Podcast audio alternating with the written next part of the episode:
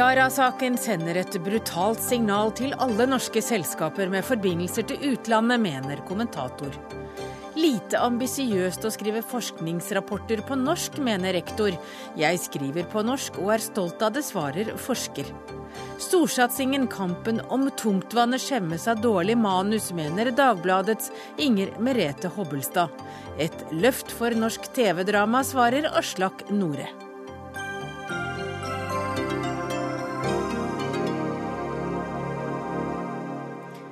Velkommen til Dagsnytt 18. Jeg heter Hege Holm.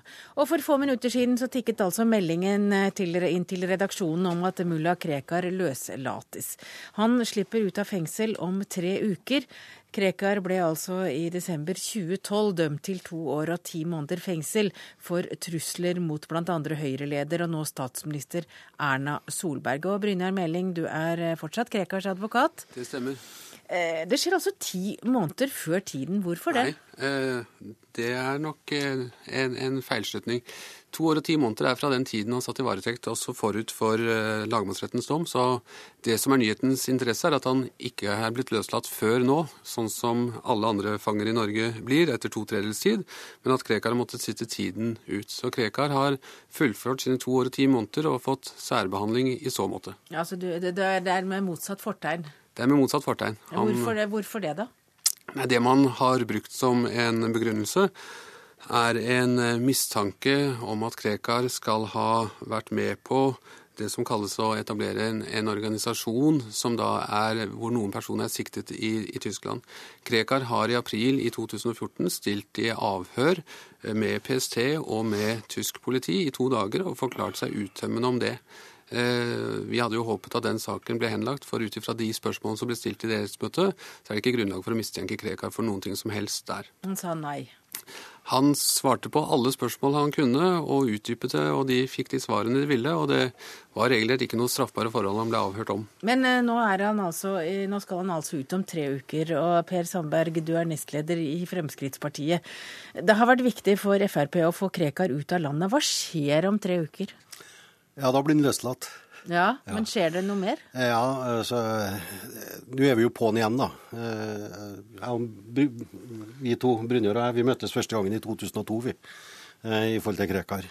Det er 14, 14 år snart. Og det er klart at denne regjeringa har lovt, både Fremskrittspartiet og Høyre, og hatt på sin agenda at Krekar skal sendes ut. Eh, Nå vet vi også at den forrige regjeringa jobba med diplomatiet, finne løsninger for å sende Krekar ut. Men holder dere det dere har lovet? Ja, nå skal vi holde det vi har lovt. Jeg har store forventninger til at denne regjeringa ikke har ligget helt i ro, selv om at eh, Krekar har sittet i fengsel. Ja, Hva betyr at man, det? At man har jobba litt med, med, diplomatiske kanaler, finne løsninger for at Krekar får sitt ønske oppfylt. For Krekar ønsker nå å returnere frivillig. Uh, og da må i hvert fall denne regjeringa sørge for å fjerne de hindringene som måtte ligge eh, i forhold til det. Men hva er det som har skjedd for jeg vil jo tro at det er ikke bare ditt eh, gode ønske, det har skjedd ting du vet om også? Ja, altså, Vi vet jo det at den forrige regjeringa jobba jo ganske tett opp imot de forskjellige eh, myndighetene for å finne løsninger. Og Så kan ikke jeg sitte her og si hvorfor det stoppa i den forrige regjeringa. Eh, men eh, det er jo eh, litt avhengig av hvilken regjering og hvilket parti som styrer og gjør avgjørelsene, selvfølgelig. Men nå er det jeg tror at, jeg, jeg, mener, og jeg tror at det er store forventninger både i mitt parti, men også i Høyre sitt parti, om at nå finner løsninger på dette. For at denne farsen kan ikke gå videre. Og så er det viktig på en annen måte også. Fordi at jeg har jo kritisert Brynjar i mange sammenhenger for at han drar litt eh, fordeler ut av det. Nå er det viktig at vi skaper løsninger, så vi slipper at Krekar-saken går opp og ned i det norske ankesystemet og går inn i domstolene på nytt. Men, men ønsker Krekar å reise ut av landet nå? Det er riktig som Sandberg sier, at Krekar har hele tiden hevdet at han er nok den personen i Norge som sterkest ønsker, ønsker at han skal tilbake til Irak. Problemet er at han eh, trenger garantier. Eh, det som er situasjonen, og som sikkert eh, denne regjeringen erfarer som de tidligere regjeringer, er at sentralregjeringen i Bagdad ikke kan gi noen garantier for hvordan Krekar eh, skal håndteres ved en retur. De har dødsstraff i det landet. I tillegg så kommer Krekar fra et område som jo er autonomt, altså som sentralstyremyndighetene i Bagdad ikke kan garantere at f.eks. en PUK-styrt regjering i eh, selvstyreområdene i Kurdistan, eh, hvordan de vil behandle Krekar. I tillegg så har vi nå situasjonen med IS eh, i Nord-Irak som gjør det hele mer komplisert. Men, men, det er et veldig greit signal som, som Sandberg kommer med og sier at eh, her skal vi finne løsninger, eh, og, og, og, det skal ikke stå på oss hvis man er villig til å diskutere ting eh, som kan gjøre at dette kan at både Fremskrittspartiet og mulla Krekar kan få sine ønsker oppfylt. Ja, og det, og det, det, det tar jeg. Altså fordi at eh, Jeg har forstått det slik over lang tid, selv om det har vært en pause nå mens Krekar har sona. Så har jeg forstått det slik at eh, både Krekar og direkte og indirekte via uh, Brynjar, så har man hatt et ønske om å finne løsninger. Men når kan, det, når kan en slik transportering skje? Jeg, jeg, skal fall, jeg, skal fall, jeg skal gi en garanti at det skal ikke ta 14 nye år.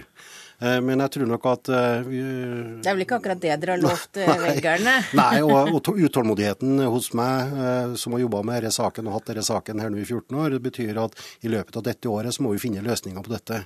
Hvis ikke så, så er det noe elementært feil noen plass. Så før, før 2015 er omme, er Krekar ute av landet? Jeg har jo spøkefullt sagt det at, at det er jo et valg i år også. Så hvis vi, eh, jeg og Krekar kan reise, ja, Før sommeren er dere enige? Hvis Krekar og jeg kan reise sammen ut eh, sånn i valgkampen, så ville det være god timing.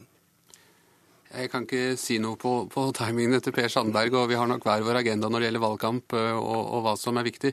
Det som er viktig for Krekar, er at eh, hans sikkerhet blir ivaretatt. Og Det er også viktig for norske myndigheter.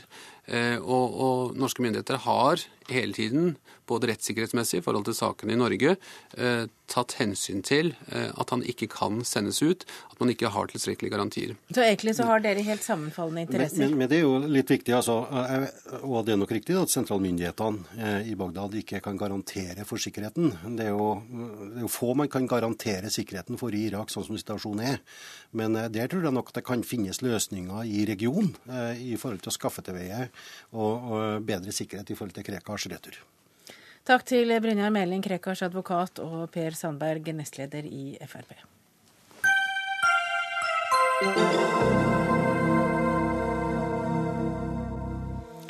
Millioner av kroner til en libysk ministersønn i diktator Muammar Gaddafis krets Millioner til sønnen til en indisk tjenestemann, gigantutbetalinger og løfter om enda mer penger for kontrakter i nevnte land.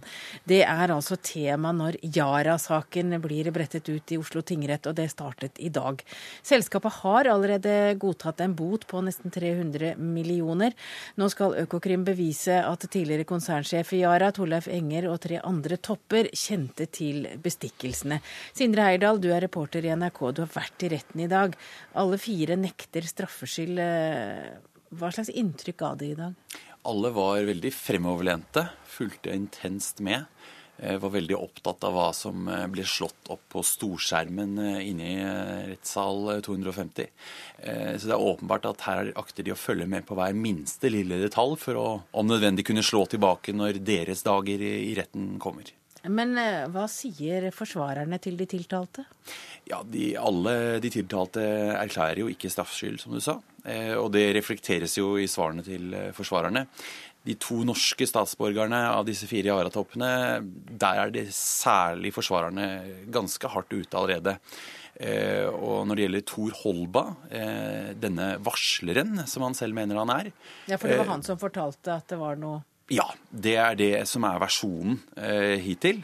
Og så får vi se om Økokrim vil legge frem eh, mer fakta om hvorfor de likevel valgte å tiltale han. Men hans eh, forsvarer eh, stiller seg jo hoderystende til at han da er implisert og tiltalt for det ene av to punkt som gjelder bestikkelse av libysk tjenestemann. Men, men, det de nå står tiltalt for, altså bestikkelsen gjelder for Libya og India. Og, og Hva er det Økokrim forteller at de har funnet? Ja, Økokrim eh, har jo da eh, med bistand fra mange land eh, gjennomført utallige etterforskninger. Tolv land, en rekke selskaper. Og de har bl.a. funnet en bakkanal, mener de, i det som var forhandlinger over flere år mellom Yara og dette libyske oljeselskapet. Og denne bakkanalen skal ha vært den korrupte kanalen, hvor penger ble byttet hender ulovlig, og hvor bl.a. omtrent 11 millioner kroner tilfalt den daværende libyske oljeministerens sønn. Hvorfor sønner hele tiden?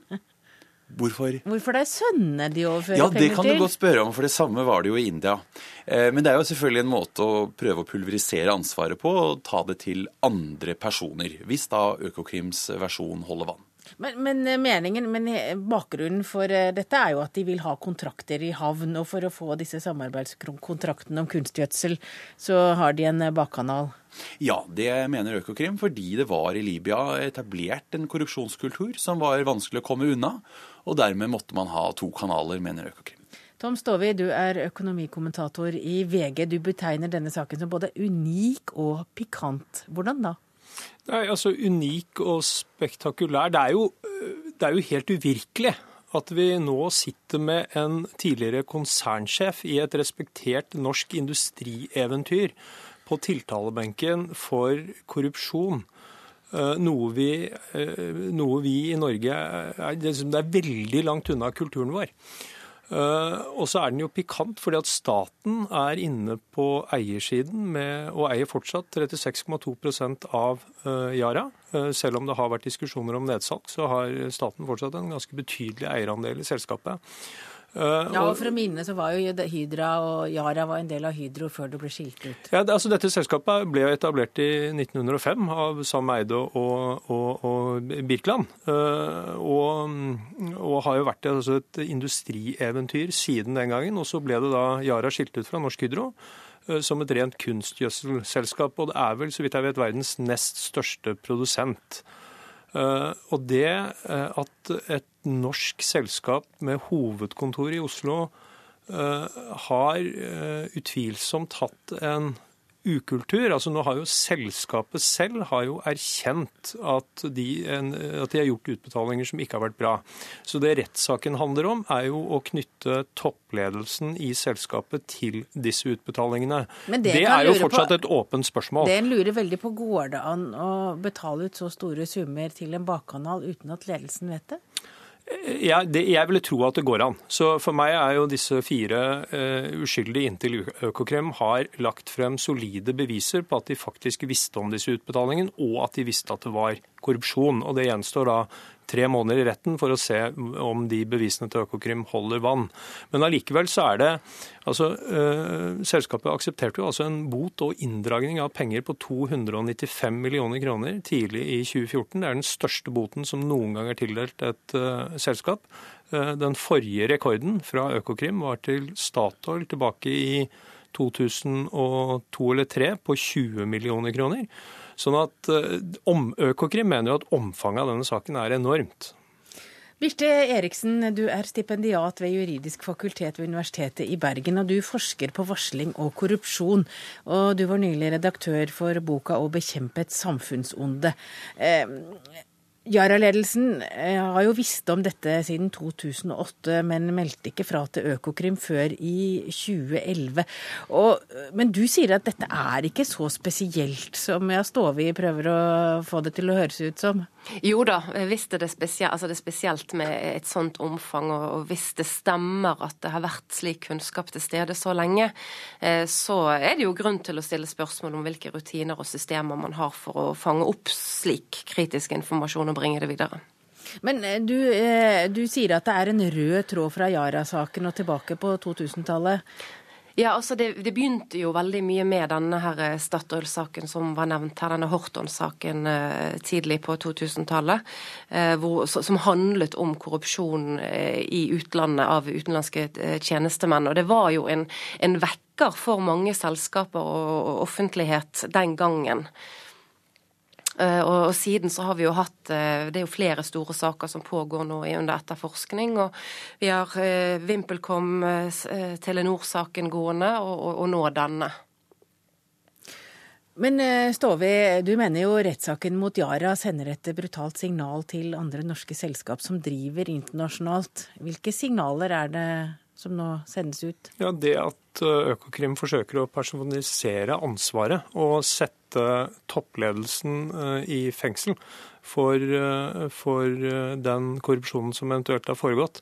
Det er klart at det er en vesensforskjell som konsernsjef å eventuelt måtte ta sin hatt og gå hvis det blir avdekket at du ikke har hatt tilstrekkelige rutiner og selskapet ditt blir avslørt for å ha bedrevet korrupsjon.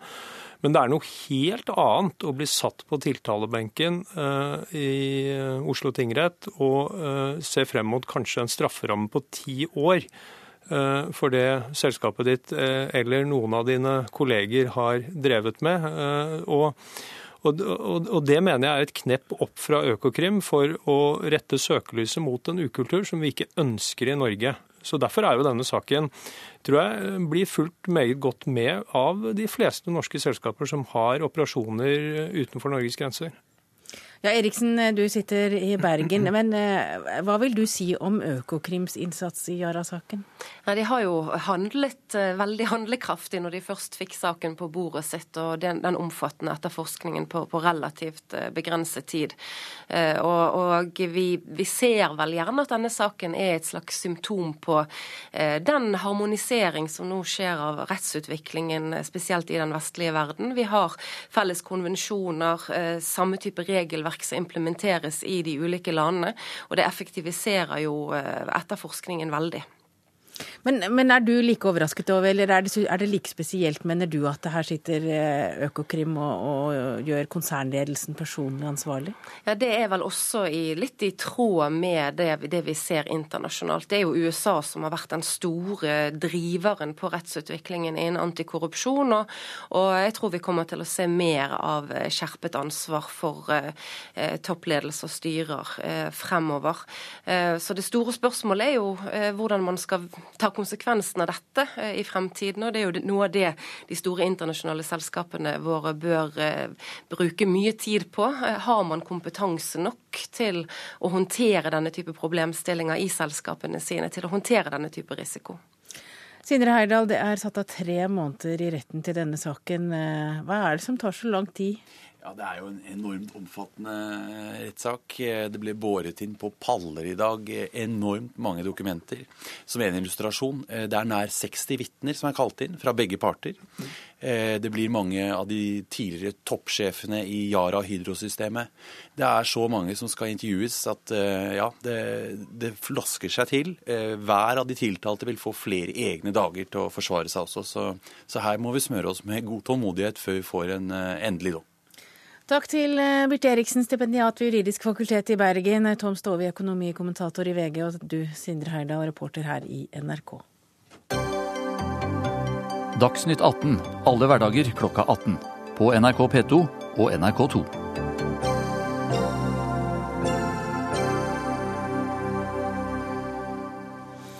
Det er på tide å nyansere bildet av Kina, og ikke bare fokusere på brudd på menneskerettigheter og manglende demokrati. Det sier representanter for norsk næringsliv til Aftenposten i dag. Og ifølge Innovasjon Norge har Kina gjennomgått en rivende utvikling siden Mao Zedong døde, og det er på tide at det får anerkjennelse, og at Kina får anerkjennelse for utviklingen. Og Elisabeth Morten, du er kommunikasjonsdirektør i Innovasjon Norge. Eh, hvorfor er det så viktig, mener dere, at vi demper kritikken mot Kina, eller snakker om hva de har klart? Altså, vi er jo helt enig i at Kina er et utfordrende marked, og at Kina har en krevende forretningskultur og et annet språk og en annen kultur enn oss, som gjør at det er krevende å drive business i Kina. Men samtidig så er Kina mulighetenes marked, og det har vært en veldig positiv utvikling i Kina de senere år. Flere hundre millioner mennesker er løftet ut av, av dyp fattigdom.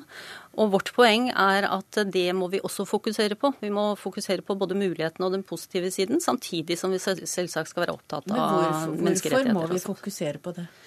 Fordi eh, Kina er et av verdens mektigste land, og et av de landene som, som, har en svært positiv utvikling. Og det gir jo noen store muligheter for norsk næringsliv, som det er viktig at næringslivet i Norge griper og, og tar del i den veksten som eh, skjer i Kina. Er det vanskelig nå? Det er klart at det er blitt mer krevende etter eh, fredsprisutdelingen. Vi, vi, Innovasjon Norge har jo vært til stede i Kina i mange tiår, kjenner eh, næringslivet og myndighetene og kulturen i Kina veldig godt. Eh, og vi merker jo at det har blitt vanskeligere etter fredsprisutdelingen, men det er en realitet vi må forholde oss til og gjøre det beste ut av det. Og vi ser at, at norsk næringsliv, det er mange representanter for norsk næringsliv og mange norske bedrifter som gjør det veldig bra i Kina, til tross for de utfordringene vi har. Men hva er det du mener må skje? Nei, Poenget vårt er bare å løfte fram eh, de mulighetene og den positive utviklinga som har vært i, i Kina de, de, senere år. Vi er ikke der at vi syns at man skal snakke mindre om menneskerettigheter og være mindre opptatt av, av bedriftenes samfunnsansvar, men vi ønsker å, å, få fram at det er viktig å balansere bildet. Men er ikke det kineserne vil en, ha en unnskyldning? At den norske regjering skal be om unnskyldning for fredsprisen? Nei, jeg synes ikke Når vi sier det vi sier, så er ikke det å, å, be om noen unnskyldning. Det er bare å også fokusere på en side av Kina som vi mener er viktig å få fram. Jon Peder Egnes, du er generalsekretær i Amnesty, og har eh, Innovasjon Norge et poeng når de sier at eh, vi er litt for negative mot Kina og snakker litt for mye om menneskerettigheter, og ikke om alt det landet har eh, maktet å gjøre de siste 30 årene? Nei, for det første så kjenner jeg meg ikke igjen i det bildet i det hele tatt. For jeg syns alle snakker om Kinas vanvittige framganger, Kinas nye mektige posisjon i verden, hvordan man har løftet eh, flere hundre millioner mennesker ut av fattigdom. Det, det syns jeg vi snakker om hele tiden, inklusive meg selv, som jo selvfølgelig er i den leiren som ses på som den som kritiserer Kina hele tiden. Eh, jeg syns også det er interessant å liksom spørre seg hvorfor diskuterer vi dette? Jo, vi diskuterer dette fordi kineserne tåler ikke kritikk. Eh, det er ingen som sier til meg nå må du slutte å kritisere EU for deres elendige flyktningepolitikk, fordi at det gjør det vanskelig for næringslivet, eller nå må du slutte å kritisere USA for Guantánamo og dødsstraffen, for det gjør det vanskelig for næringslivet. Så den eneste grunnen til at næringslivet sier vi må nyansere bildet av Kina, vi må snakke om fremgangen og ikke eh, om menneskerettighetsbruddene, det er jo at Kina opptrer som en bølle i den internasjonale politikken og straffer litt vilkårlig de som de oppfatter som å være kritiske. Så, så, det i seg selv burde jo være grunn til å kritisere Kina. At de må rett og slett tilpasse seg de spillereglene som finnes i verden. Menneskerettighetene, som Kina selv sier at de støtter, har som grunnleggende prinsipp at man ikke bare kan, men man skal kritisere stater som bryter menneskerettighetene. For dette har man blitt enige om er grunnleggende verdier som skal gjelde overalt i verden. Så, um, Innovasjon Norge er samlokalisert med ambassadene i, uh, både i Beijing og Shanghai, der vi har kontorer. Og vi samarbeider veldig tett med de. Men det er klart vi har en arbeidsdeling med ambassaden. De er de som uh, ivaretar den politiske dialogen og den myndighetsdialogen på det området. Mens Innovasjon Norges rolle er å bistå norsk næringsliv som skal etablere seg og utvikle seg i, i det kinesiske markedet. Eh, det betyr at vi, vi, har en arbeidsdeling som gjør at vi må fokusere på de mulighetene og den, den, eh, den vekst og utvikling som er i Kina. Og så når vi, når vi opplever dilemma og, er, og, opplever krevende situasjoner i forhold til samfunnsansvar og menneskerettigheter, så har vi selvsagt veldig tett dialog og god samhandling med ambassaden. Ja, for det første har jeg lyst til å bare kommentere til det utspillet som var i Aftenposten, at jeg mener at det er problematisk at Innovasjon Norge og Øgland i denne sammenhengen på en måte sender en undertekst om at vi må slutte å kritisere Kina, vi må heller rose dem. Eh, og Det syns jeg dere bør tenke litt eh, nøye gjennom. Det andre jeg har lyst til å si, er at menneskerettighetene er et vidt område. og Jeg kan for så vidt forstå at Innovasjon Norge ikke går inn til Utenriksdepartementet i Kina og sier her er det for mye tortur. Men det er en del menneskerettighetsområder som er veldig tett på virksomheten virksomheten, eh, altså næringsvirksomhet. Eh, det gjelder f.eks. faglige rettigheter. I Kina er det ikke fri fagorganisering. Det er én fagorganisasjon, den er styrt av kommunistpartiet, slik staten også er. Eh, dette er ting som er, ville være naturlig for næringslivet å diskutere med kinesiske myndigheter. Et annet spørsmål som ville være naturlig, det er domstolenes uavhengighet, eller i Kina domstolens mangel på uavhengighet. Hvilken trygghet har norske bedrifter for inngåtte kontrakter dersom man kommer til en tvist og må ta dem opp i kinesiske domstoler, som er styrt styrt av kommunistpartiet som styrer staten Kina.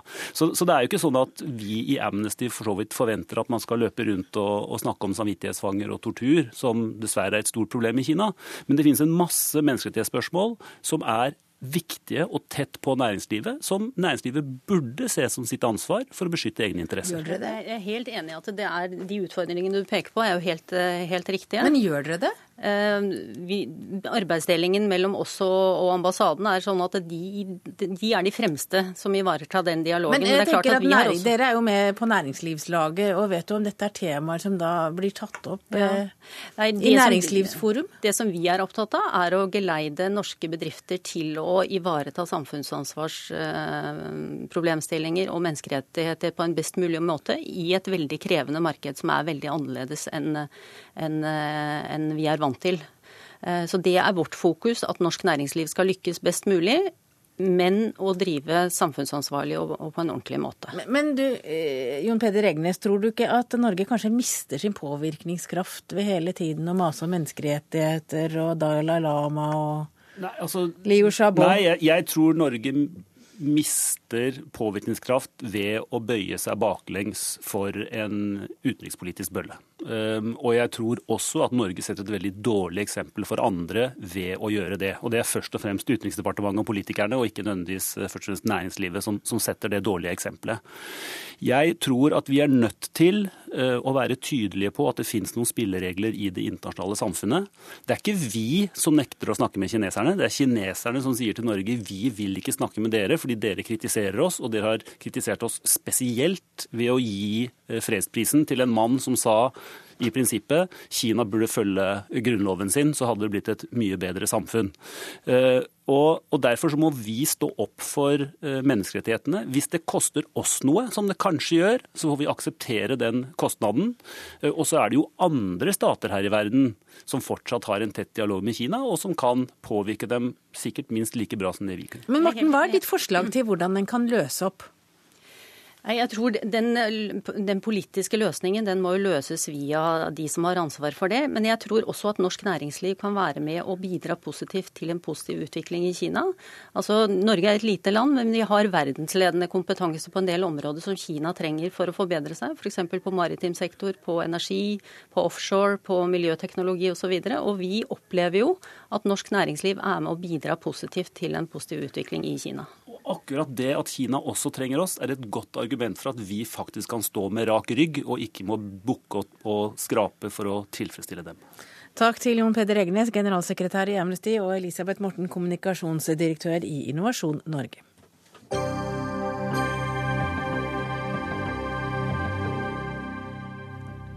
Er du en av de som eh, har det med å glemme at du skulle egentlig vært hos legen for en time siden?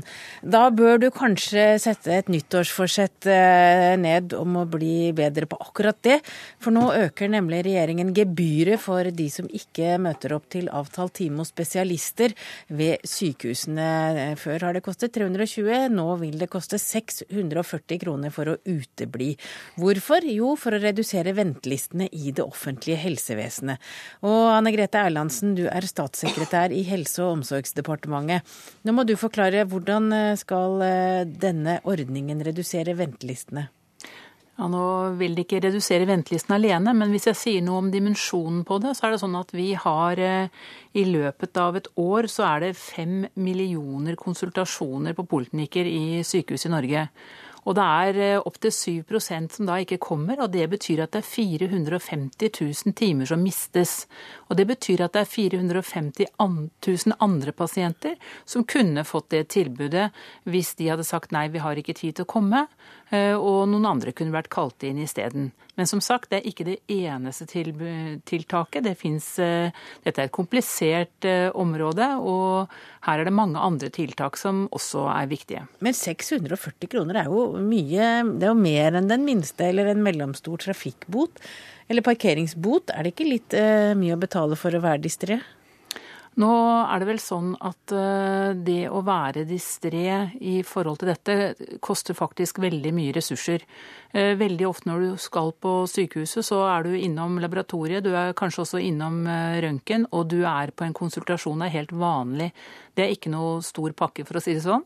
Eh, og det er klart at eh, da er det mange mennesker som da egentlig ikke får eh, utført den jobben de kunne ha gjort.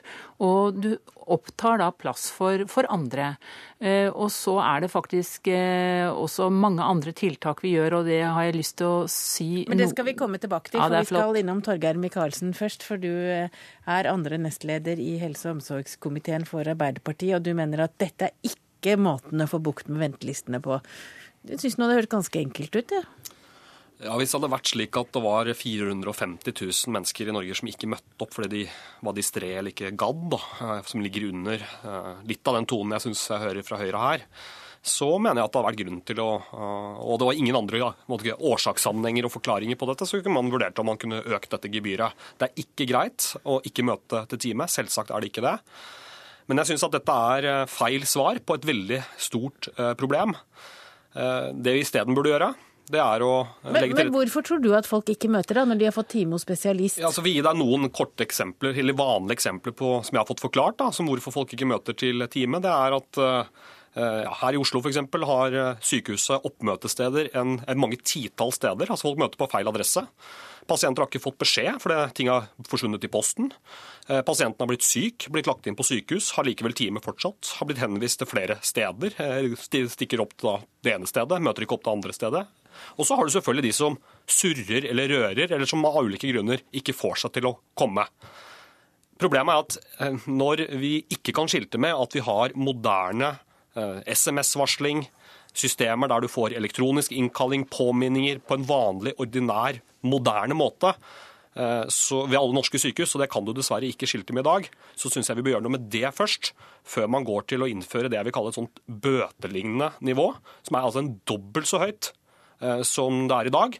Eh, og jeg syns det er eh, ja, Erlandsen, har dere gått litt fort fram? Nei, det, og de eksemplene som Torgeir Micaelsen snakker om, er ikke det som er problemet. fordi at de, de, årsakene som du nevner der, er helt greie årsaker til å si at nei, er du innlagt istedenfor å være på poliklinikken, så skal du selvfølgelig ikke betale dette gebyret. Det er ikke det det handler om. Men det det handler om, det er at vi er faktisk i gang med og har faktisk gjort mye for å få på plass en moderne SMS-varsling og e-postbruk, som vi nå har fått uh, nytt lovverk som kan hjelpe oss med. Det hadde vi ikke før. Vi får bare ikke rullet ut overalt, men vi har, er kommet godt i gang, særlig i, uh, i vest, i Helse Vest, altså hele vestregionen. Men jeg mener jeg hørte i dag at det heller ikke hadde virket, at det fortsatt var det mange som eh, ikke kom i Helse Vest? Nei, nå er det sånn at det er noen ting som vi må ha med oss i tillegg. og og dette med gebyrer, hvis det hadde vært det eneste vi hadde gjort, og derfor jeg prøvde å si noe om tiltak i stad, så er det viktig at eh, pasientene får mer forståelige brev fra sykehuset. Jeg har eh, jobba mye med det i tidligere jobb, med å forklare uforståelige brev, så det, vi, det jobber vi kontinuerlig med, og det skal vi jobbe enda tettere med. Vi skal i tillegg til det kanskje også i større grad uh, gjøre noe som er uh, litt uh, annerledes i sykehus, nemlig når vi har gitt folk en time, be om tilbakemelding. Passer det? Fordi det har vi jo egentlig aldri gjort. Eh, det gjør du hvis du, hvis du, får time hos mange andre, så du sånn, eh, har du en dialog om det passer. Og det er klart at det, det bør vi også kunne klare å tilstrebe i, i sykehus, fordi det er ikke alltid det, det, passer. Nå vet vi også fra helsepersonell som jobber med dette, at de hører veldig mye om hva det er som er årsaken til at folk ikke kommer. Og jeg har hørt i dag hele dagen helsevesenets representanter som sier at dette tror de faktisk er gode ting. Og i tillegg til det som, som eh, vi gjør med de mer moderne retningslinjene for eh, dialog med pasientene, så må vi ha pasientene tettere på oss. Jeg er ikke tvil om det. Men, men eh, Michaelsen, hvis det kan fjerne helsekøen i Norge, så er det vel, så er det vel verdt det? Så jeg tenker at det er, det er, alltid en avveining vi må gjøre mellom altså, altså type kontroll, bøter, økonomiske sanksjoner og et, et, system der alle kan være med. Der det er ubyråkratisk. Et av de tingene jeg frykter med dette forslaget, er at du får et så høyt nivå at folk vil begynne å klage i mye større grad. Altså 300 kroner, de fleste av oss i hvert fall som har det bra. Vi, ja, ja, det har vært irriterende, men hadde jeg stått fast i trafikken eller møtt opp feil sted og fått noe bot da, fra Bent Høie og co. i departementet på 600 kroner, så hadde jeg begynt å klage. Da får vi flere helsebyråkrater som må passe på om det var riktig eller feil det jeg sa. Og så skal vi holde på da. Altså det er mer av det vi ikke trenger. Men det er klart, vi, hvorfor ikke 600, hvorfor ikke da 900 kroner? Det hadde jo helt klart selvfølgelig gjort noe med fenomenet. Eh, hadde vi økt eh, egenandelen med oppmøte mer, gener jo, men mer generelt ved, norske, altså ved fastlegekontor og andre ting, så ville det ført til at færre hadde kommet. Men det ønsker vi jo ikke. Så jeg, bare, jeg, jeg, tror, jeg tenker at dette her er et sånn klassisk eksempel. Det funker for oss som er eh, godt lønna, har det bra, oppegående, litt distré av og til, tåler dette her. Men så glemmer vi at det er altså kronikere i Norge som er inn og ut av norske sykehus flere, kanskje flere titalls ganger, eh, opp mot 100 ganger i løpet av et år. Da er det litt mer krevende å holde styr på disse brevene som Erlandsen sier. Ja, jeg vil nesten kalle det som at du blir innkalt en rettssak av og til. For de bærer altså ikke preg av å være 'velkommen til oss, nå er det din tur', men til ja, helt andre ting. Vi må gjøre noe med det først. Helt kort, Erlandsen. Nå er det helt klart at hvis du hadde fått en bot fra Bent Høie, så hadde du ikke betalt den. Men det skjønner jeg. Eh, men det, det, selv om du er fra Arbeiderpartiet, så kan du høre på følgende. Dette har jeg jobbet med i mange år. Brukerutvalget hjemme i Sykehuset Østfold hilste en, sånn, hilste en sånn ordning velkommen, men fikk ikke lov. De syns nemlig at det er usosialt at de pasientene som da ikke får time, fortsatt står i kø fordi at vi ikke har klart å holde orden på eh, timebøkene våre. Og så skal vi selvfølgelig ta hensyn. Vi får se hva som, vi får se hva som skjer. Det er, i hvert fall, det er i hvert fall et faktum at møter du ikke opp til time hos spesialist, så, du, så må du betale 640 kroner. Takk til Anne Grete Erlandsen, statssekretær i Helse- og omsorgsdepartementet, og Torgeir Micaelsen, andre nestleder i helse- og omsorgskomiteen, og fra Arbeiderpartiet.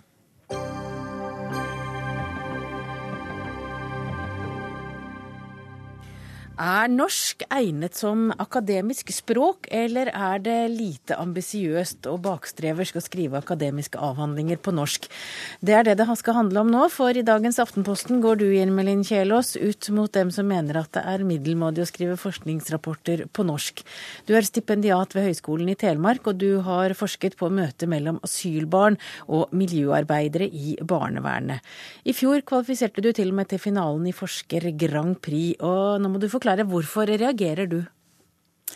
Ja, altså Foranledningen for den kronikken var jo en kronikk som Kari Bø eh, skrev i, i Forskerforum her i våres. Men det er jo hun gir på en måte uttrykk for en, for en holdning som jeg syns veldig mange forskere i dag eh, deler. Og det er at det eneste saliggjørende og det eneste liksom, gyldige innenfor akademia, det er å publisere på engelsk.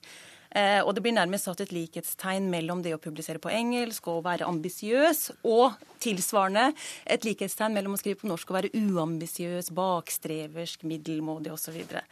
Um, og dette har nærmest blitt en sånn det har blitt en litt sånn selvsagt holdning, syns jeg. Litt sånn tatt for gitthet. Sånn at uh, man møtes med litt sånn heva øyenbryn og litt sånn eh, merkelig blikk når man uh, sier at man skriver på norsk. Da opplever man er litt sånn her museumsvokter eller bakstreversk eller uambisiøs, da. Og så argumenterer jeg da for i den kronikken jeg skriver i dag, at uh, man kan kanskje snu helt om på det og si at det faktisk er ganske ambisiøst å skrive på norsk. Av litt ulike grunner. Og det ene er jo det med, med, med sammenhengen mellom språk og tenkning, som jeg skriver om. at at sånn som meg, da, som har språk som fag, tenker at at eh, det er ikke sånn at vi har en tanke, og så setter vi den ned på papiret. I stedet så er det sånn at skrivinga bringer fram tanken. Sånn at skrivinga blir en veldig viktig del av kunnskapsutviklinga og tenkninga. Og av det så følger det at eh, den prosessen vil være enklere og bedre og mer produktiv på et språk man eier godt, har under huden, behersker et rikt register i, enn den vil være på et språk som man ikke behersker til fulle. Sånn at når man har et fattigere språk, så blir tanken også fattigere, og kunnskapsutviklinga også fattigere. Og så er, er, det jo da også formidlinga. Hvis man tenker at formidlinga eh, også som forsker skal være med temperatur og temperament og stil og stemme, så, så krever det også at du behersker språket til fulle. Eh, og det er mer naturlig og enkelt på morsmålet enn på et fremmedspråk. Ja, eh, ja. Kari Bø, du er rektor ved Norges idrettshøgskole. Du, der du har bl.a. sagt da, at uh, det vitenskapelige språket er og blir engelsk, og at dine stipendiater eh, skriver på engelsk. Hvorfor? Jo, det er jo fordi at vi ønsker å nå ut til flest mulig. Og vi jobber med internasjonalt viktige problemstillinger og forskning som veldig mange i verden trenger å vite noe om. Og vi trenger å få innspill fra andre i verden på våre problemstillinger. Sånn at hvis vi bare skulle publisere på norsk, så ville vi jo nå en veldig, veldig liten del av hele verden. Og vi jobber internasjonalt, og derfor så er det viktig for oss å selvfølgelig da bruke engelsk. Men det er jo mange som forsker på andre ting, og som du også mener er litt ambisiøse hvis de da bruker eh, norsk og ikke engelsk. Hva mente du nå? Altså, du, har jo, du, har jo, sagt at du mener at forskning bør foregå, og at man bør bruke engelsk generelt, og ikke bare dine egne stipendiater. Ja, altså Det er jo forskjell på fagområder, selvfølgelig. Men jeg ser jo at de fleste fagområder også har et internasjonalt område. F.eks. hvis vi snakker om folkedans, så kan man jo forske på norsk folkedans. Men folkedans er jo et internasjonalt område hvor man vil finne sine forskerkollegaer rundt omkring i hele verden som kan komme med innspill, kritiske bemerkninger, tanker, følelser rundt det, så man kan utvikle faget. Og jeg tror at uh, hvis man skal komme fremover, og det er det som er utgangspunktet for min kronikk, da, det er jo den denne eh, rapporten som har kommet om norsk forskning, hvor det blir fremhevet at vi ligger langt bak våre naboer i Norden og i Europa når det gjelder internasjonal publisering og siteringer. Og Det er ingen grunn til at norske forskere ikke skal være på samme nivå som danske forskere og nederlandske forskere. Vi er jo like gode, mener jeg, og derfor så må vi også publisere på engelsk og være i det internasjonale samfunnet som vi hører til i. Bryr du deg ikke om det, du? Jo, jeg gjør det, og det skriver jeg jo for så vidt òg, at jeg, jeg, er enig i det og forstår at det er sånn det skal være. Kunnskap skal deles, og den skal utvikles i dialog, internasjonal dialog og nasjonal dialog og i det hele tatt. Eh, men så er det jo også noe med at, eh, som du òg er inne på, at fag er jo forskjellige. Eh, og, og sånn som mitt fagområde og mitt forskningsfelt Du nevnte jo at jeg forsker på på barnevernet og enslige mindreårige asylsøkere i en norsk barnevernskontekst. Veldig, altså det er spesifikke norske forhold eh, i en norsk velferdsstatskontekst. Eh, og da er det det som er på en måte min ambisjon, da, det er jo å være relevant og gi noe tilbake til et praksisfelt, et profesjonsfelt i den konteksten, i den norske konteksten. Og Da blir det kanskje også litt andre hensyn. Så Det er jo på en måte mitt andre hovedargument også i den kronikken. at, at eh, at, hvem er det som er publikummet ditt? Hvor er det du har den primære ambisjonen om å være relevant og delta? Og For meg så er det mer, eh, mer av en ambisjon, mer av et mål å være relevant i den norske barnevernskonteksten for de profesjonsutøverne, for de barna, for de byråkratene, enn det er å, å ha en dialog med andre samtaleforskere i et internasjonalt tidsskrift. Begge deler er viktig, selvfølgelig. Men, men... men burde, burde, hun gi ut uh, det hun skriver også på engelsk? ja, jeg syns dette høres veldig interessant ut og veldig spennende. Og du snakker om asylbarn. Hele Europa er fylt av asylsøkende barn. Dette må jo være et internasjonalt meget viktig felt. Og hvis du kommer med spennende, gode resultater som andre bør ta del i, så er det selvfølgelig at dette bør ikke bare holdes for en norsk kontekst. Og så syns jeg det er en sånn blanding av hva som er formidling, og hva som er forskning og akademisk eh, eh, da, måte å skrive på. fordi at når vi skriver forskningsartikler, så skriver vi på en annen måte enn når vi formidler. Og Det er veldig viktig å ha begge deler. Og når, og når du snakker om at du vil gjøre det i en kontekst i Norge, så er det kjempeviktig. Men for meg så er det implementering og formidling av din forskning. Og da skal du ikke bruke et akademisk språk, da skal du bruke et godt norsk språk som de som skal da bruke denne kunnskapen i praksis, de skal forstå hva du mener og hva du gjør. Det har ingenting, sånn jeg ser det, å gjøre med din avhandling. Her må du klare å gjøre begge deler, og det er sånn vi alle har måttet jobbe. Men er det ikke fare for at det norske språket blir uthula hvis alle akademikere bare jobber på engelsk? Ja, vi jobber jo ikke bare på engelsk. De fleste akademikere jobber på begge språk. Vi skriver engelsk på primærartiklene våre, som kommer ut internasjonalt, hvor vi får den diskusjonen og den kritikken som vi skal ha fra andre fagfeller på samme felt. Og så skriver vi også på norsk. F.eks. Eh, i medisin og i fysioterapi så skrives alltid avhandlingene som kommer i Norge, skrives også ut eh, i sammendrag i disse tidsskriftene. Men det er jo en kjensgjerning der. Altså, jeg, vil, jeg, vil, også bare si, når du snakker om, om skillet mellom forskning og formidling, at, at, her er det jo også ulike forskningstradisjoner, ulike metodiske tradisjoner. Og i mitt felt så jobber man mye tettere på praksisfeltet og i mye tettere eh, samarbeid også med praksisfeltet. sånn at det skillet er jo ikke så svart-hvitt nødvendigvis. Og så er det til det du sier nå om at mange norske forskere eller norske forskere generelt gjør begge deler. Det er jo ikke sant. Altså, det er veldig, Innenfor veldig mange felt etter hvert så gjøres det meste på engelsk. Og Senest i dag så jeg, hadde jeg en samtale med meg som jobba, jobber på et medisinsk institutt, hvor det meste foregår på engelsk, hvor det er en selvfølge at alt publiseres på engelsk, at de også ønsker å publisere det som skal til norske tidsskrifter på engelsk, og hvor det også går ut over eh, fagspråk og sjargong gjengen internt i fagmiljøet i Norge på en norsk institusjon. Så dette forringer også eh, dialogen og fagspråket vårt mer overordna, da. Altså det, det, det, som du sier, det uthuler også det norske fagspråket. Dette er en debatt som, jeg, som, åpenbart ikke er slutt her i studio akkurat nå. Dere kan fortsette utenfor, men det er ikke mer tid til denne saken nå. Kari Bø, rektor ved Norges idrettshøgskole, og Irmlin Kjelås, stipendiat ved Høgskolen i Telemark.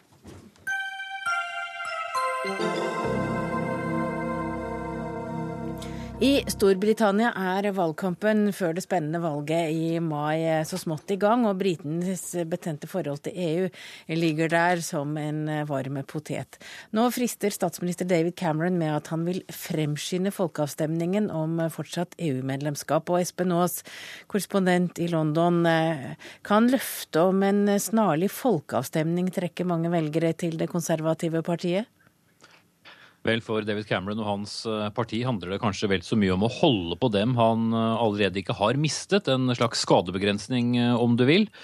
Ehm, det lille, men veldig hissige uavhengighetspartiet UKIP her i Storbritannia har eh, rappet eh, både mengder av velgere fra Cameron og sannelig også et par parlamentsmedlemmer i det siste, med sine visjoner om et Storbritannia godt utenfor EU, med en avklart grense imellom. Så for Cameron handler nok dette mye om å vise at han er en handlingens mann, en som holder det han lover når det gjelder folkeavstemning, og litt til dersom han blir gjenvalgt som statsminister, da, som er eh, det store visse visset ved det hele. Hvordan ser Cameron selv på EU? Nei, han er jo en mann som er positiv til EU og ønsker at Storbritannia skal fortsette i EU, i likhet med det store, store flertallet av næringslivet her i Storbritannia. Men som statsminister har også han irritert seg over at Brussel legger seg opp i ting hans anser som innenrikspolitiske, som f.eks. vareteksttider, britisk ønske om å begrense innvandringen fra Øst-Europa særlig, som da er i strid med disse fire frihetene i EU, eh, som da er mye av årsaken til denne ferske EU-debatten også for øvrig. Så han prøver å finne en slags middelvei. Hans plan er jo å reformere EU, lage et EU EU som handler mer om handel og mindre om direktiver som overprøver de enkelte lands eh, parlamenter. Ja, Eivind Brattberg, du er eh, med oss her i studio. Du er postdoktor ved Universitetet i Oslo. Hva tror du resultatet av en slik eh, avstemning ville bli hvis den hadde foregått nå? Det kommer an på premissene og valgkampen, tror jeg. Man kan få inntrykk av at Storbritannia er et veldig EU-engasjert folk og et veldig EU-kritisk folk. Men sannheten er nærmere at de er et eh, svært EU-uvitende folk. I hvert fall er en ganske stor del av velgermassen nokså lite informert om løpende europeiske spørsmål. Eh, og det er ikke et elitistisk eh, synspunkt å si det, fordi, fordi veldig mye av den arige, hissige debatten som man hører, den kommer fra et ganske lite mindretall av velgerne. Og så er det en stor, latent EU-skepsis, men om den ville slå ut i en, et ja eller et nei ved en avgjørende avstemning, det er vanskelig å, å si noe sikkert om. Men Espen, også, innvandring har jeg skjønt er, er, på en måte det man er mest uenig om, og det man frykter mest fra EU. Ja, og det, Derfor er det jo riktig som eh, Brattberg også sier, at det handler jo ikke så mye om EU, men man har valgt én sak som handler om østeuropeisk innvandring, som eh, nå er relativt stor mot Storbritannia. Storbritannia er et attraktivt land for mange å bo i, og siden 2004 eh, så er det også mange som har bosatt seg her. For et år siden så ble grensen mot øst åpnet ytterligere, og det var avisforside på avisforside som skrek mot deg med store typer om at nå kommer velferdssamfunnet til å gå under. Nå kommer det en flom av østeuropeiske innvandrere som kommer til eh, å bedrive såkalt velferdsturisme, eh, og da dra nytte av det som britene har opparbeidet gjennom så mange år, gjennom barnetrygder osv., som fikk særlig de konservative til å se at nei, vet du hva, dette må vi gjøre noe med, og ønsker å innføre ganske strenge begrensninger à la typen du må jobbe her i fire år før du vil ha rett på noen trygdeordninger. Hvis du ikke har vært bosatt her lenge nok og har arbeid, skal du ikke ha rett på fri lege osv. Så, videre. så det er mange ganske friske forslag som har kommet opp. Men at briter flest eh, er ganske skeptiske når det gjelder innvandring igjen fra Øst-Europa, er helt sikkert. Og så er det alltid noen småting som de kan irritere seg om når det gjelder EU, som handler om hvilke lyspærer de skal bruke, om de skal ha lys på bilen om kvelden osv. Er det grunn til å tro at trusselen fra britene gjør at de kan få en en enda mer sær avtale med EU enn det de har i dag? Korsberg? Nei, Brattberg, mener jeg. Det er jo, dette er en ganske, det ganske underlig debatt etter hvert å følge, fordi den har løpt i Storbritannia i flere år, og den er preget av ja, hissig fotarbeid på britisk side av kanalen, men, men svært tunge og slepende fottrinn på kontinentet. Rett og slett fordi EU, og spesielt eurosonen, har store og nærliggende problemer å, å hanskes med. Og lederne for andre store EU-land er langt mindre opptatt av de, den særbritiske debatten og dette, denne uenigheten og stadige tilbøyeligheten til å si at man vil bryte ut hvis man ikke får det som man vil. Så i realiteten har, har det britiske ønsket, og spesielt konservative, det konservative partiets ønske om særordninger, den debatten har ikke kommet veldig mye videre på de to siste årene. Men, men har de noen sjanse til å få gehør? Man har jo, man har jo sjans til å, få, til å få gehør i den grad eh, EU som helhet skal drøfte eh, f.eks. Om, om eh, det indre marked skal, skal tilføres nye retningslinjer og rammeverk. Men man har veldig lite lite, lite, potensial for gjennomslag for ytterligere særordninger for Storbritannia. Eller for å stenge grenser, f.eks., for, eksempel, for jeg vil jo tro det kan komme opp i en sånn diskusjon? De fleste observatører og, og fagfolk er enige om at, at, EU har forlatt den epoken for særordninger og, og åpningen for fotnoterland blant sine medlemsland. Man er veldig opptatt av at de eh, retningslinjer som legges til grunn, de skal gjelde for alle medlemsland. Og Det er man da også nødt til hvis det skal være mulig å, å styre en såpass stor enhet som EU har blitt. Espen Aas, eh, helt til slutt. Eh, hvordan har Labour det med EU? De er jo eh, det partiet som er stort sett mest vennligsinnet overfor EU, og er et pro EU-parti langt på vei. Men de ser også det samme som de konservative, at dette EU-fiendtlige UKIP stjeler mye av debatten og stjeler en del velgere. Og de har også blitt presset til å love en folkeavstemning dersom det er de som skipper regjering eh, fra mai. Men så langt har beskjeden derfra vært at eh, det skal de bare gjøre dersom regelverket i EU skulle blitt dramatisk eh, endret. Så sånn sett har Cameron sine ord i behold når han har sagt at det kun er han som vil gi folket en folkeavstemning om denne svært, svært betente saken. Takk til Espen Aas og Øyvind Brattberg. Hør Dagsnytt 18 når du vil. Radio NRK.no. Stortsatsingen Kampen om tungtvannet skjemmes av dårlig manusarbeid. Det mener Dagbladets Inger Merete Hobbelstad, som kom inn i studio nå. Og hun har altså 1,3 eh, millioner mennesker bak seg som også har sett det samme, samme første episoden av Kampen om tungtvannet. Og det er vel nærmest rekord på en første kveld av en TV-serie. Men altså, du lot deg ikke helt begeistre, Hobbelstad. Eh, nå må du forklare forklare hva det er som svikter? Ja, altså Jeg blir jo litt eh, trist når jeg ser eh, det som var de to første episodene nå på søndag. Og det er ikke fordi det ikke er bra. Jeg syns det er mye ved eh, serien som er eh, veldig respektabelt. Veldig godt gjort, godt håndverk. Men så er det ikke så bra som jeg tenker at det kunne og burde vært. Eh, og problemet er, som det nesten alltid er når det gjelder norske TV-produksjoner, det være seg enten det er underholdningsserier eller det er sånn dypere, dypere drama, det er rett og slett manus. Eh, at det er dårlig manushåndverk som gjør at det gjør både at spenningen blir mindre fordi tempoet i fortellingen sakkes ned, eh, og det gjør at persontegningene blir eh, flatere. Og det med at fortellingen går saktere, det har bl.a. veldig mye å gjøre med at man har en lei tendens til å gjenta det man nettopp har vist. Altså litt av grunnen til at dette er et, altså Når det er et visuelt medium, så er jo litt av muligheten at man kan fortelle effektivt gjennom bilder. Her har man det ofte med at en person forklarer hva du nettopp har sett, som gjør at det liksom tannhjulene bare sakker ned i fortellingen. Vi skal ha et og, eksempel på, ja, på det du mener. Ja.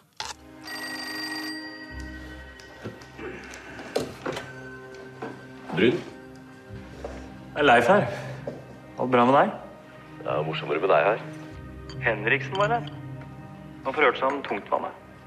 Da vi starter produksjonen igjen. Jøss. Yes. Han ville vite hvor mye som var igjen på Vemork nå. Det er tyskerne som vil ha det. Jeg visste at franskmennene var interessert, men ikke tyskerne. Ja, hva er det som er dobbelt her? Nei, altså Alt det han sier i denne uh, ordvekslingen, altså alt det Espen Klaumann Høyner som spiller Leif Tronstad, uh, det han sier, har vi jo nettopp sett skje. Akkurat det har jo Henriksen vært der og spurt om. Så egentlig det eneste man trenger å si i denne scenen, er jo at han han snakker med i telefonen, sier at jeg visste at franskmennene var interessert. Altså fordi de andre opplysningene har du allerede.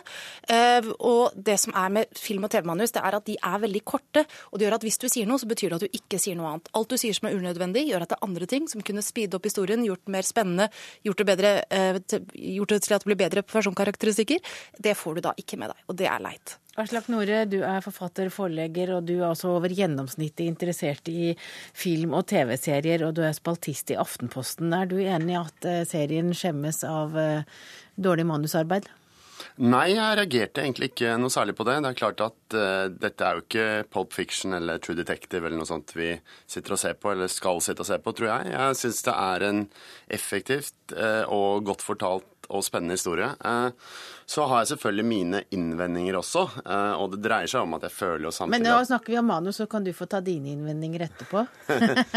Nei, men altså, jeg synes jo det henger jo selvfølgelig sammen, dette her. Og det er klart at når vi kommer opp på vidda, i scener jeg syns er veldig flotte, altså vakre, storslåtte og episke scener derfra, så kjenner jeg vel på at eh, jeg som har lest mye om historien til disse guttene her, jeg skulle gjerne vært enda tettere på og følt den sulten de følte når de måtte spise reinlav, og den gleden de følte når de kunne skyte dette reinsdyret endelig. Og der er det litt å gå på enda. Men samtidig så tenker jeg altså Inger Merete, dette har jo vært en kjepphest for deg lenge, og, og, jeg tenker sånn Dette er jo faktisk en sterk og veldig veldig god historie. Kan du ikke bare lene deg tilbake og nyte litt det storslåtte dramaet vi faktisk her ser?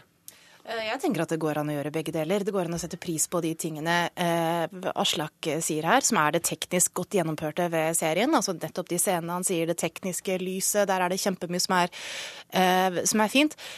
Men så er det også noe med dette at jeg tenker at enhver fortelling, enten det er liksom en sånn actiondrevet, litt sånn underholdningsdrama som jo dette har snev av, eller et dypere drama, så må du tro på det som er foran deg. Det må leve, du må tro at dette er mennesker, ikke bare at det er konstruksjoner. Og det som skjer når dialogene ikke henger helt på greip, det er at det føles ikke som om dette er to personer som snakker med hverandre. Det føles som om det er to personer som snakker med publikum, som gir, som gir publikum opplysningene de trenger. Altså kan jo ta et eksempel også når Heisenberg møter da Nils Bohr i København og går mot ham og sier 'min berømte venn Nils Bohr'.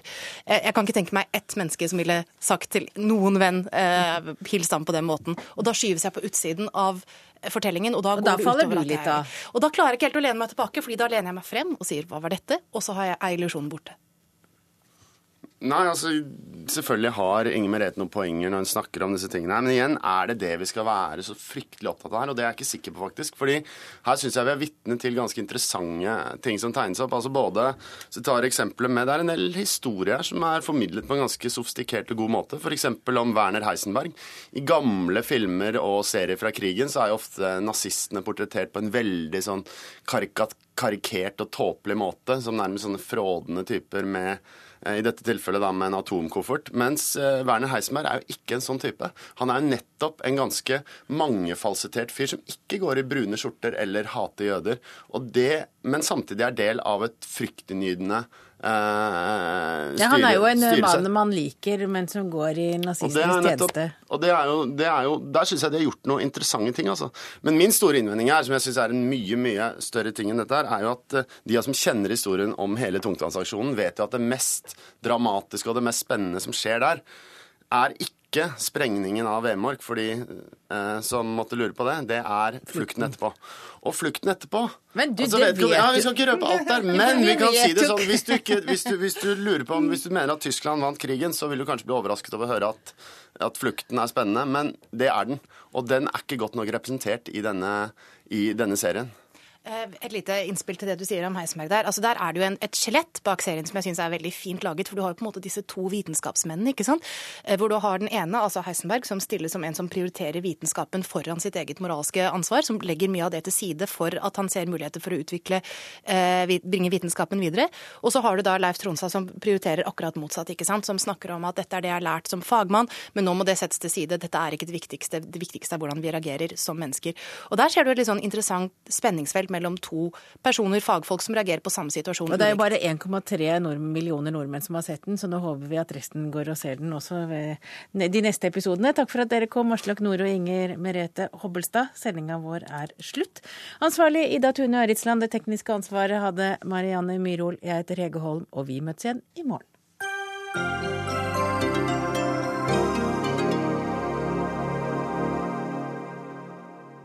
Hør flere podkaster på nrk.no podkast.